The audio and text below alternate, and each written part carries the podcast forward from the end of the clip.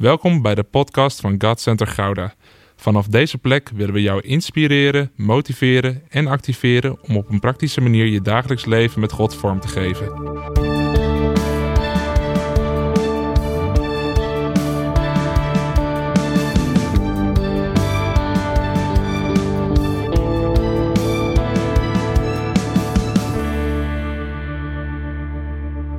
Hey, wat tof dat je weer luistert. Deze podcast is er om jou toe te rusten omdat we jou belangrijk vinden. Jij doet het toe, jij bent van waarde, jij maakt een verschil. En daarom willen we jou toerusten. Niet om droge kennis te delen, maar met openbaringen en inzichten die je helpen om sterker te worden in je geloof, intiemer in je relatie met God en krachtiger in je identiteit. We hebben de afgelopen tijd hebben we vooral gekeken naar hoe je bent gemaakt, je gedachtenwereld en wat God in je heeft gelegd. En daarmee hebben we vooral gekeken naar hoe je van binnenuit werkt. Je denken, je roeping, je geest, ziel en lichaam. En vandaag wil ik het dan met je hebben over een klein deel van het lichaam dat helemaal gestuurd wordt door al die zaken van binnen. Namelijk je tong. We gaan het hebben over je woorden. Met elkaar nadenken over je spreken, want het maakt een wereld van verschil. Weet je, ik heb de afgelopen jaren zoveel gesprekken gehad en mensen ontmoet en jongeren geholpen. En steeds weer zie ik dezelfde patronen die ervoor zorgen dat ze niet verder komen.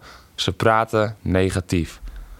En daarmee bedoel ik niet dat we nu een trucje gaan leren, waardoor we bepaalde woorden gebruiken en daarmee bepaalde resultaten bewerkstelligen. Maar ik wil met je een kijkje nemen in de Bijbel over Gods principes, over woorden, spreken en de kracht daarvan. Want de kracht van woorden, die vinden we al tijdens de schepping. Is het je wel eens opgevallen dat door woorden de wereld wordt gemaakt? Steeds weer dat zinnetje. God sprak en. Dus vanaf het begin af aan zijn woorden heel belangrijk. Er zit scheppende kracht in woorden, want woorden hebben kracht. Woorden creëren, zoals we bij de schepping al zagen. Maar ook in ons eigen leven kunnen we heel makkelijk herkennen en ontdekken hoe belangrijk woorden zijn. Een voorbeeld waar ik zelf aan moest denken is wat ik een tijdje heb gehad als ik me niet helemaal fit voelde. Als ik moe opstond s ochtends, dan sprak ik bepaalde woorden uit. Ik zei dingen als: ah, Ik ben echt kapot. Ja, ik voel me niet lekker. Dit wordt helemaal niks vandaag. En ik merkte dat mijn dag zich ging vormen naar de woorden die ik sprak. En dus besloot ik om mijn spreken te gaan veranderen. En er is een reden dat ik nu pas spreek over onze woorden. Niet aan het begin van deze serie, namelijk omdat je wel van binnenuit overtuigd moet zijn van de woorden die je naar buiten brengt.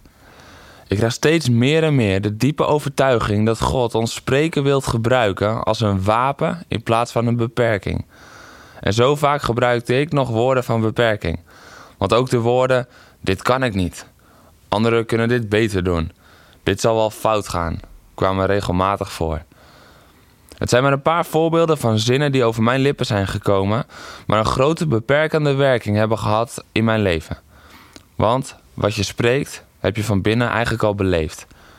En wanneer we ons spreken dus gaan aanpakken, onze woorden willen veranderen, betekent dit ook dat we onze opvattingen mogen hervormen. Want iedereen voelt wanneer je iets zegt of je dat gelooft of niet. Ik heb wel eens meegemaakt in de rust van een voetbalwedstrijd. We zaten in de kleedkamer, we stonden 5-0 achter. En één persoon begon opeens te roepen: Het kan nog! Niet opgeven! Wij zijn beter dan zij! Ja, je voelde gewoon dat hij het zelf niet eens geloofde. Dus wij al helemaal niet. We moesten een beetje schamper lachen. We verloren uiteindelijk met 7-0. Onze woorden veranderen begint niet bij anders praten, maar allereerst bij anders denken. Want als je niet gelooft wat je zegt, dan voelen anderen dat en voel je dat zelf ook. Daarom hebben we eerst die gedachtenwereld besproken.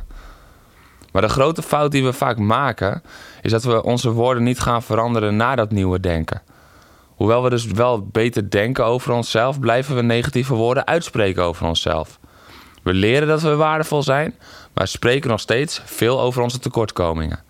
We weten dat we mooi zijn, maar we praten nog steeds over onze onvolkomenheden. We beseffen dat we talenten hebben, maar onze woorden downsizen de impact ervan. En het is tijd dat onze woorden zich gaan vormen naar de waarheid.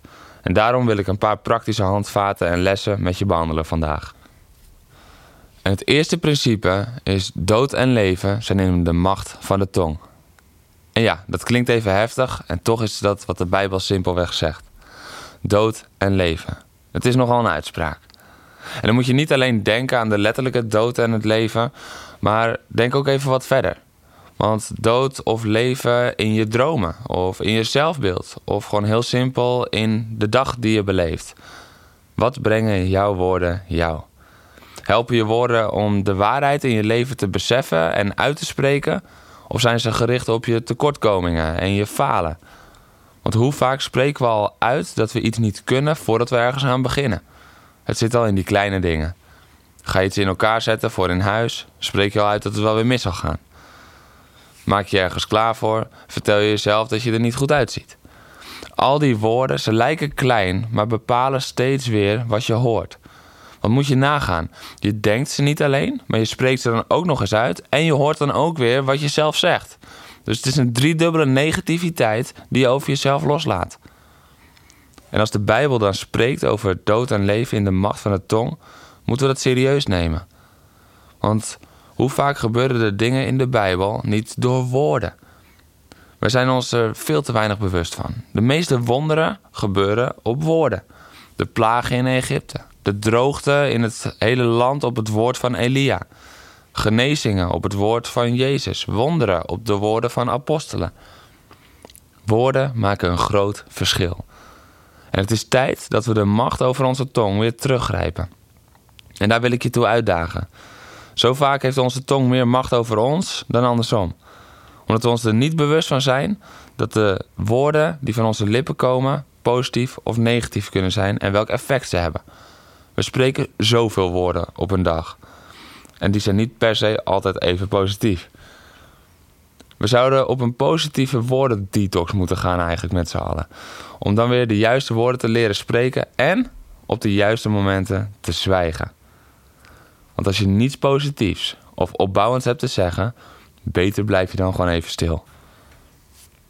Wat wil je voortbrengen met je woorden? Zegen of vloek? Dood of leven? Hoop of angst? Waarheid of leugen?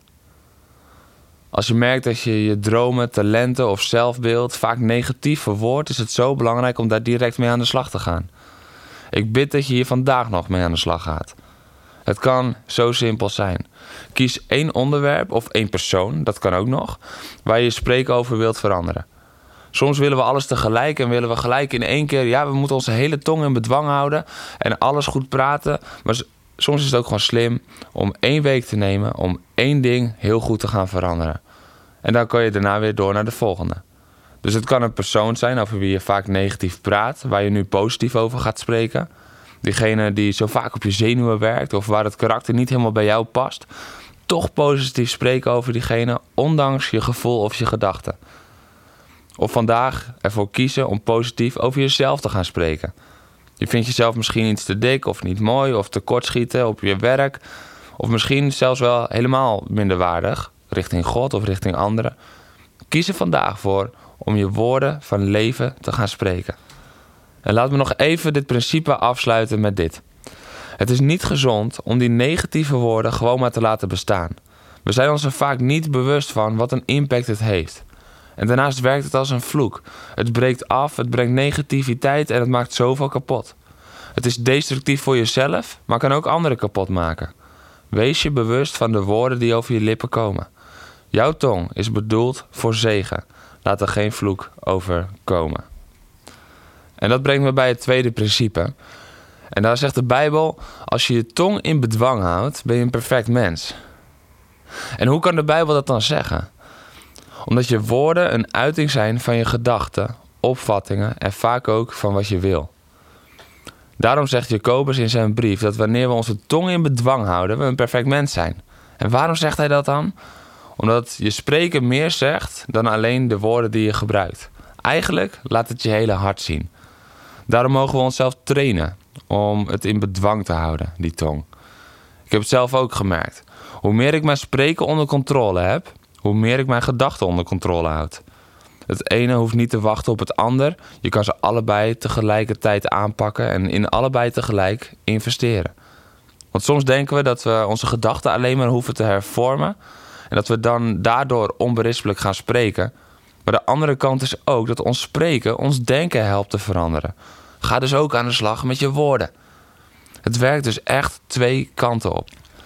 Daarom dat Jacobus er ook zo'n aandacht aan geeft. Je woorden in bedwang houden laat zien dat je van binnen de waarheid hebt omarmd. Dat je de discipline hebt om te kiezen voor de waarheid boven wat je zelf voelt, denkt of ervaart. En hoe krachtig is dit? Of het is het bewijs van hoe stabiel je van binnen bent, of het is het bewijs van je discipline om te kiezen voor de waarheid, zelfs als je het nog niet helemaal eigen hebt gemaakt. Je tong in bedwang houden maakt je een perfect mens. Het tweede principe. En dat brengt me bij het laatste principe van vandaag. Je woord stuurt je leven. Weet je dat je soms nog helemaal niet hoeft te geloven wat je zegt, maar dat je mag gaan leren te geloven wat je spreekt? Ik noemde net al even dat voorbeeld van 5-0 in de rust en je voelde dat hij het ook niet geloofde en dat hij maar wat riep. Toch heb ik ook het tegenovergestelde meegemaakt. Ik stond op de tennisbaan en ik stond ruim achter tegen mijn tegenstander. Eigenlijk was ik volstrekt kansloos op dat moment en hij was gewoon een stuk beter. Maar ik besloot om positief te blijven praten tegen mezelf. Ik besloot geen negativiteit binnen te laten komen, maar ik bleef alleen maar opbouwende woorden spreken tegen mezelf. En ik bleef dat doen totdat ik er zelf ook weer in begon te geloven.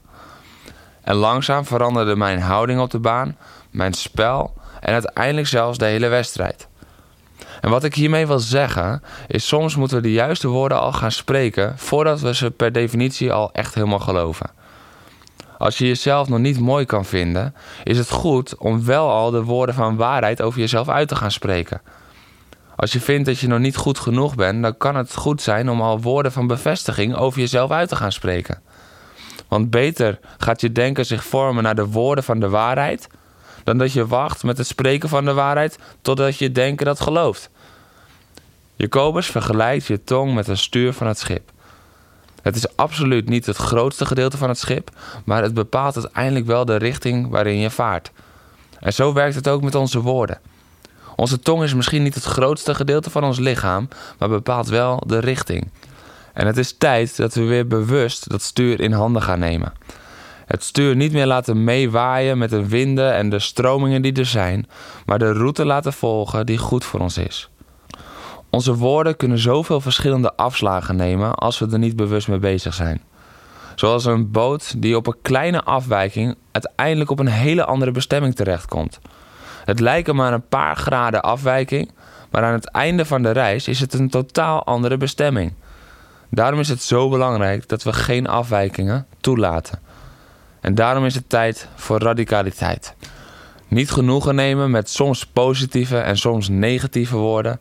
Niet langer het gevoel van de dag de koers van je leven laten bepalen. Want dan is je leven zo instabiel als een schip die met alle golven meewaait. We moeten het stuur weer stevig in handen nemen en heel bewust bedienen. Weeg je woorden. Kies je woorden. Spreek de juiste woorden. En slik bepaalde woorden snel in. Jij kan zelf een groot verschil maken in je eigen leven maar ook in dat van anderen. Door hier heel serieus mee aan de slag te gaan.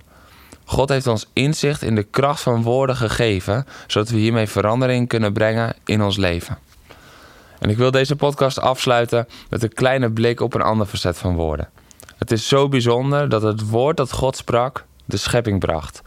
En in Johannes 1 lezen we dan dat Jezus dat woord was. Het woord is vlees geworden en heeft onder ons gewoond. Het is de kracht van het woord Jezus is het woord. Die kracht is in het woord. Wij mogen met onze woorden het leven dat Hij al heeft gegeven met Zijn leven brengen in ons eigen leven en dat van anderen. De kracht is al vrijgezet. Dat hangt niet meer af van onze verdiensten. Het is tijd dat we de kracht die is vrijgezet gaan benutten. Door te spreken naar de waarheid. Hey, en dat is ook weer Jezus. Want Jezus zegt over zichzelf: Ik ben de weg, de waarheid en het leven. Dus die waarheid is ook het woord. En laten we onze woorden dan gaan vormen naar die waarheid, naar de woorden van Jezus. En we moedigen je dan ook aan om hier praktisch mee aan de slag te gaan. Zoals ik al even zei, begin met één ding tegelijk. Breng verandering en ga daarna door naar het volgende. Pak deze principes, want dood en leven zijn in de macht van de tong. En als je je tong in bedwang leert te houden, ben je een perfect mens. Want je woorden sturen je leven. Ik zie je heel graag weer volgende week.